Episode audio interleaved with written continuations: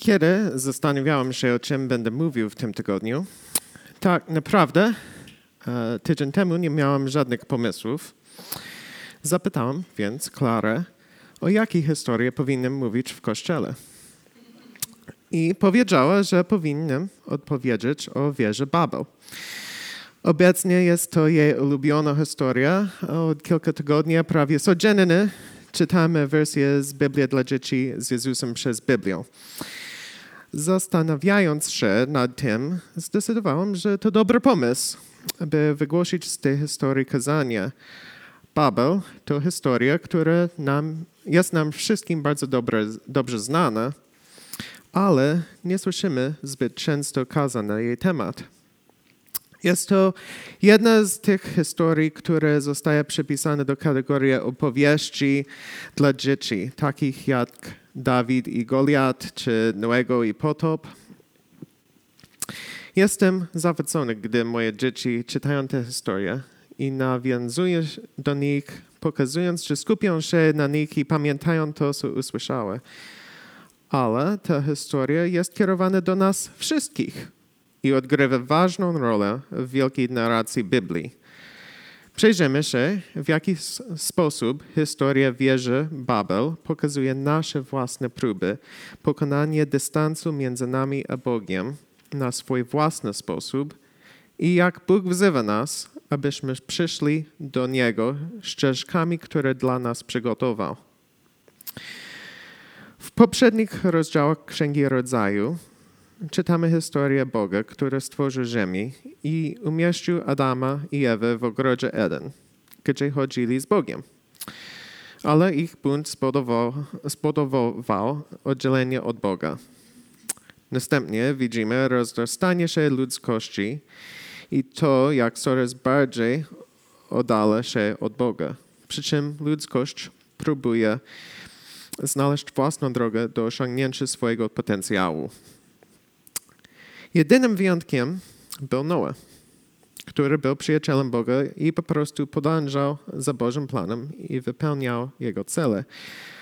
Doprowadziło to do tego, że Noe stał się tym, od którego ludzkość zaczęła się odradzać po tym, jak Bóg zabił resztę przez potop. Kolejną historią w Księdze Rodzaju jest odpowiedź o Babel. Historia ta rozpoczyna się w rozdziale 10, którego nie będziemy czytać w całości, ponieważ jest to głównie lista imion. Jednak w wersetach 5, 20 i 31 czytamy o narody wyspiarze podzielone według swoich krajów i według swoich języków i plemion w narodach swoich. Stanowi to pewną zagadkę, ponieważ w wersecie 31 e, czytamy o wielu językach. A w 11 rozdziale, pierwszy werset, zaledwie dwa wersety później czytamy. Cała ziemia miała jeden język i jednakowe słowa. Od razu możemy pozbyć się wszelkiej teorii, że to jest to sprzeczność, ponieważ są to dosłownie dwa wersety od siebie. A w oryginalnym tekście nie było podziału na rozdziały. Te dwa zdania są częścią tego samego strumienia myśli. Tak więc w połączeniu razem powinny mieć sens. Komentatorzy o konserwatywnym nastawieniu, którzy wierzą, że jest to dosłowna, prawdziwa historia, przyjęli na ogół jedno z dwóch podejść. Jednym z nich jest to, że rozdział 10 jest wstępem, a rozdział 11 nawiązuje do przeszłości. Historia niespodzianka pokazująca, co wydarzyło się przed wydarzeniami z 10 rozdziału. Jest to możliwe, ale oznaczałoby to, że 11 rozdział Księgi Rodzaju ma miejsce niemal natychmiast po Noem. Być może jeszcze za jego życie. Noe żył 350 lat po potopie. A rozdział tego mówi o rozprzestrzenianiu się potomków jego synów, więc musiałoby to być bardzo krótko, e, krótko po potopie, że ma miejsce wieża Babel.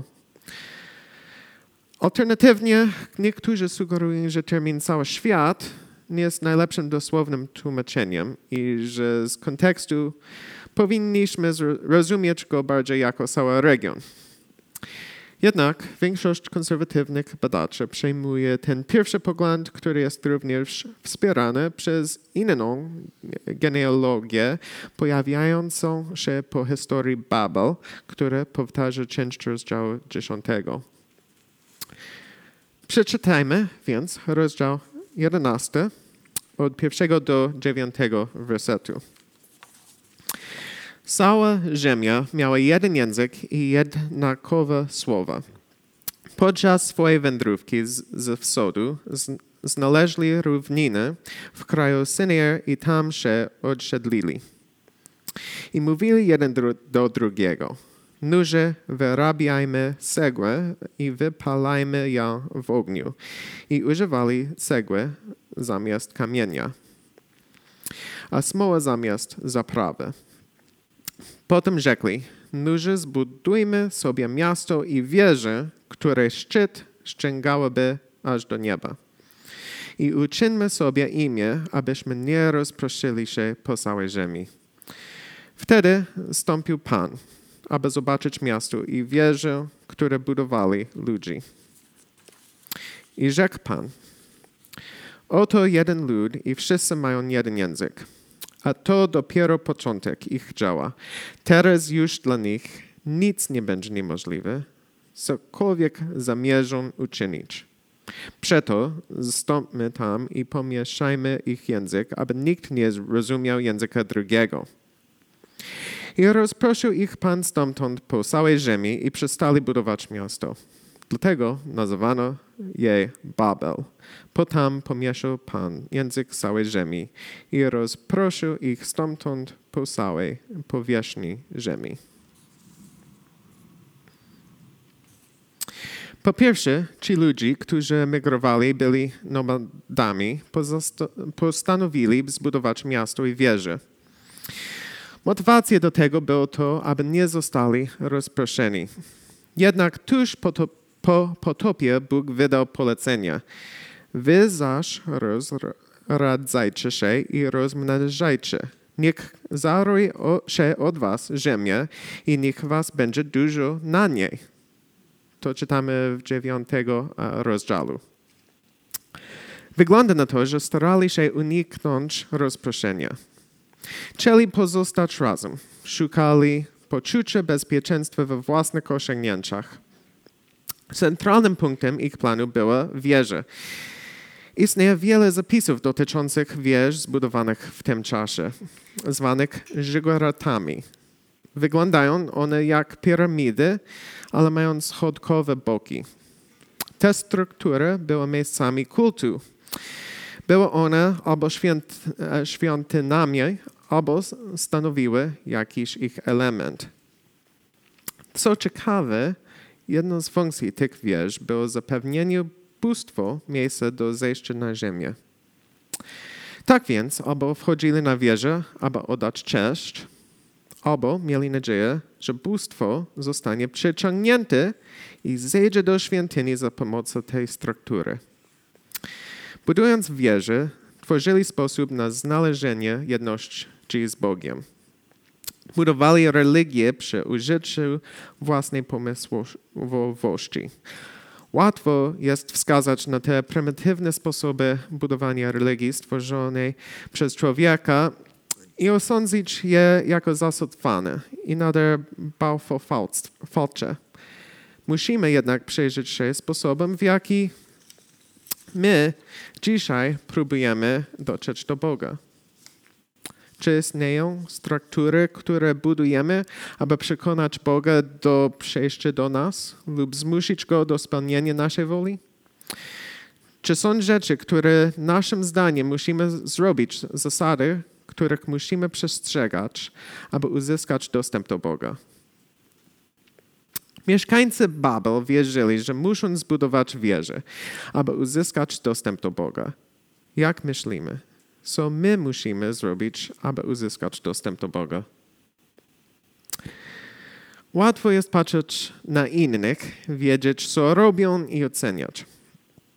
Zachodni chrześcijanie mogą dosyć łatwo spojrzeć na inne religie i ich praktyki, takie jak muzułmański hadż czy buddyjskie świątyni w Azji i postrzegać je jako konstrukcje, które są przykładami ludzi budujących religię na swój własny obraz, aby stworzyć własną drogę do Boga. I jest to prawda. My, jako protestanci, możemy nawet spojrzeć na katolickie katedry, wszystkie tradycje, obrzędy, hierarchie i pielgrzymki i zobaczyć, że istnieje wiele struktur stworzonych przez człowieka, które wydaje się być kolejne próby zmanipulowania Boga, by spełniał naszą wolę.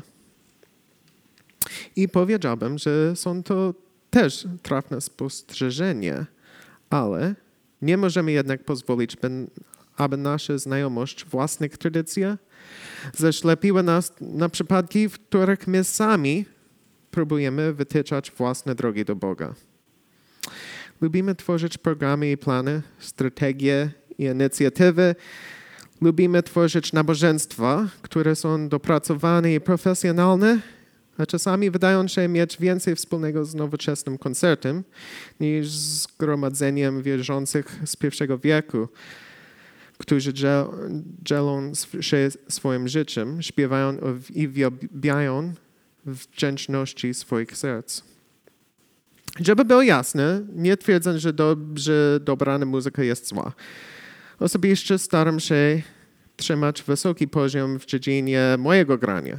Nie ma nic złego w inicjatywie zachęcającej do ewangelizacji lub zasobach pomagających w uczy, uczniostwie. Nie ma nic złego w posiadaniu ładnego budynku. Myślę, że wszystko, co robimy, powinniśmy robić dobrze. I uważam, że dążenie do piękna w tym, co robimy, jak pokazujemy światu Ewangelię, jest dobrą rzeczą dla Kościoła. Jednak każdy z tych rzeczy ma potencjał, aby zostać przekręcone i stać się dla nas środkiem do tworzenia własnej drogi do Boga. Każda z tych rzeczy jest czymś, co możemy wykorzystać i często wykorzystujemy, aby przejść do Boga przez nasze własne uczynki. Każda z tych rzeczy może być środkiem do manipulowanym Bogiem. Każdy z nas prawdopodobnie ma różne obszary, w których powinien zbadać swoje serce. Osobiście muszę bardzo uważać, by nie dać się zbytnio wyciągnąć w służeniu Kościołowi muzyką w niedzielę rano i by nie skupiać się za mocno na jej jakościowym aspekcie, bo często pod koniec nabożeństwa zdaję sobie sprawę, że w ogóle nie uczestniczyłem w, uwielbieniu, ponieważ zbytnio martwiłem się o to, jak widowiskowe ono było. Istnieje wiele aspektów niedzielnego poranka, które mogą odciągnąć nas od Boga, niezależnie od tego, czy jest to muzyka, kazanie, czy coś innego. Wszyscy mamy pokusy, by starać się zasłużyć na uwagę Boga, by próbować dotrzeć do Niego na własnych warunkach. Nasze serce szukają sposobów, aby zbudować wieżę do nieba, tak jakby to od nas zależało, spięcie się do Boga lub przeciągnięcie Go do siebie. Prawdziwa droga dostępu do Boga jest w Jezusie. W Ewangelii Jana, 14 rozdział, 6 werset czytamy. Odpowiedział mu Jezus. Ja jestem droga i prawda i żywot. Nikt nie przychodzi do Ojca tylko przeze mnie. Nie możemy ustanowić własnej drogi do Boga. On już ją stworzył. Nie musimy budować czegoś, aby sprowadzić Boga do nas, ponieważ On już zstąpił. Przyszedł z własnej woli i przyjął ludzkie ciało. Nikt go do tego nie zmusił. Inną rzeczą, którą widzimy, jest to, że próbowali e, ci mieszkańców e, e Babel próbowali zbudować dla siebie imię. Nie ma nic złego w pragnieniu, by nasze życie miało znaczenie. Bóg stworzył dla, nas dla jakiegoś celu i to sprawia, że chcemy znaleźć cel naszego życia. Jednak łatwo jest zrobić to w niewłaściwy sposób. Aby poczuć się znaczącymi, próbujemy zbudować własne królestwo. Ale znaczenie, czy też przeznaczenie, dla którego zostaliśmy stworzeni, to Królestwo Boże. W wersecie szóstym, kiedy Bóg zstąpił, powiedział, że nic nie będzie dla nich niemożliwe. Bóg widział, że ludzie będą mogli realiz realizować własne plany i własną chwałę. Ale to nie jest Boży plan dla ludzkości. Nie zostaliśmy stworzeni do budowania królestwa, które wychwała nas samych. Widzimy niezliczone przykłady ludzi, którzy osiągają chwałę dla samych siebie, co prowadzi do ich zniszczenia.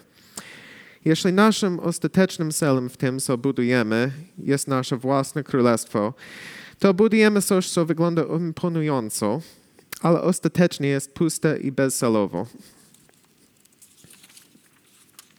Nie dotyczy to tylko spraw doczesnych, takich jak budowanie biznesu czy bycie przywódcą politycznym. Możemy to zrobić w kościele.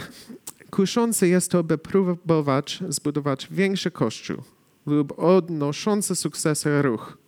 Możemy zbudować coś wielkiego, odnoszącego sukcesy i zakamuflować to jako działanie dla Boga. Ale Bóg wie, kiedy tak naprawdę robimy to dla siebie. Jest to coś, czego osoby postronne nie są w stanie stwierdzić, dopóki nie jest za późno. Czasami przeraża mnie myśl o tym, że mogę budować coś, co wygląda na udane. Boże służbę, ale tak naprawdę robię to dla siebie. I nikt poza Bogiem się o tym nie dowie. Przygotowując to kazanie, musiałem zastanowić się nad tym, co próbuję zbudować. Naprawdę łatwo jest przygotować coś, co zobaczą inni i starać się przedstawić siebie w jak najkorzystniejszym świetle. Staram się budować wizerunek, który sprawia, że wyglądam dobrze, lub tak przynajmniej mi, mi się wydaje. Mogę próbować manipulować tym, co mówię, mówię, by zyskać aprobatę innych. Mogę poświęcić prawdę, mogę przedstawić tylko część prawdy, część, która moim zdaniem zostanie najlepiej odebrana. Wszystko sprowadza się do motywacji. Budowanie wieży nie było samo w sobie złe. Nawet pragnienie zdobycia sławy było pragnieniem uzyskania znaczenia. A pragnienie, by nasze życie było znaczące, też nie jest złe. W rzeczywistości zostaliśmy stworzeni, aby być znaczącymi. Jednak w przypadku wieży Babel próbowali to zrobić na swój własny sposób. Chcieli zbudować własną drogą do Boga i próbowali kontrolować sposób, w jaki zostanie stworzone ich dziedzictwo. Kiedy patrzymy na nasze życie, nasze rodziny, naszą karierę i nasz kościół, warto zadać sobie pytanie – czy ufam Bożemu planowi, czy też próbuję zbudować wieżę wokół własnych planów? Czy staram się chronić moje własne wizje tego, jak powinno wyglądać moje życie? Powinniśmy luźno trzymać się własnych planów.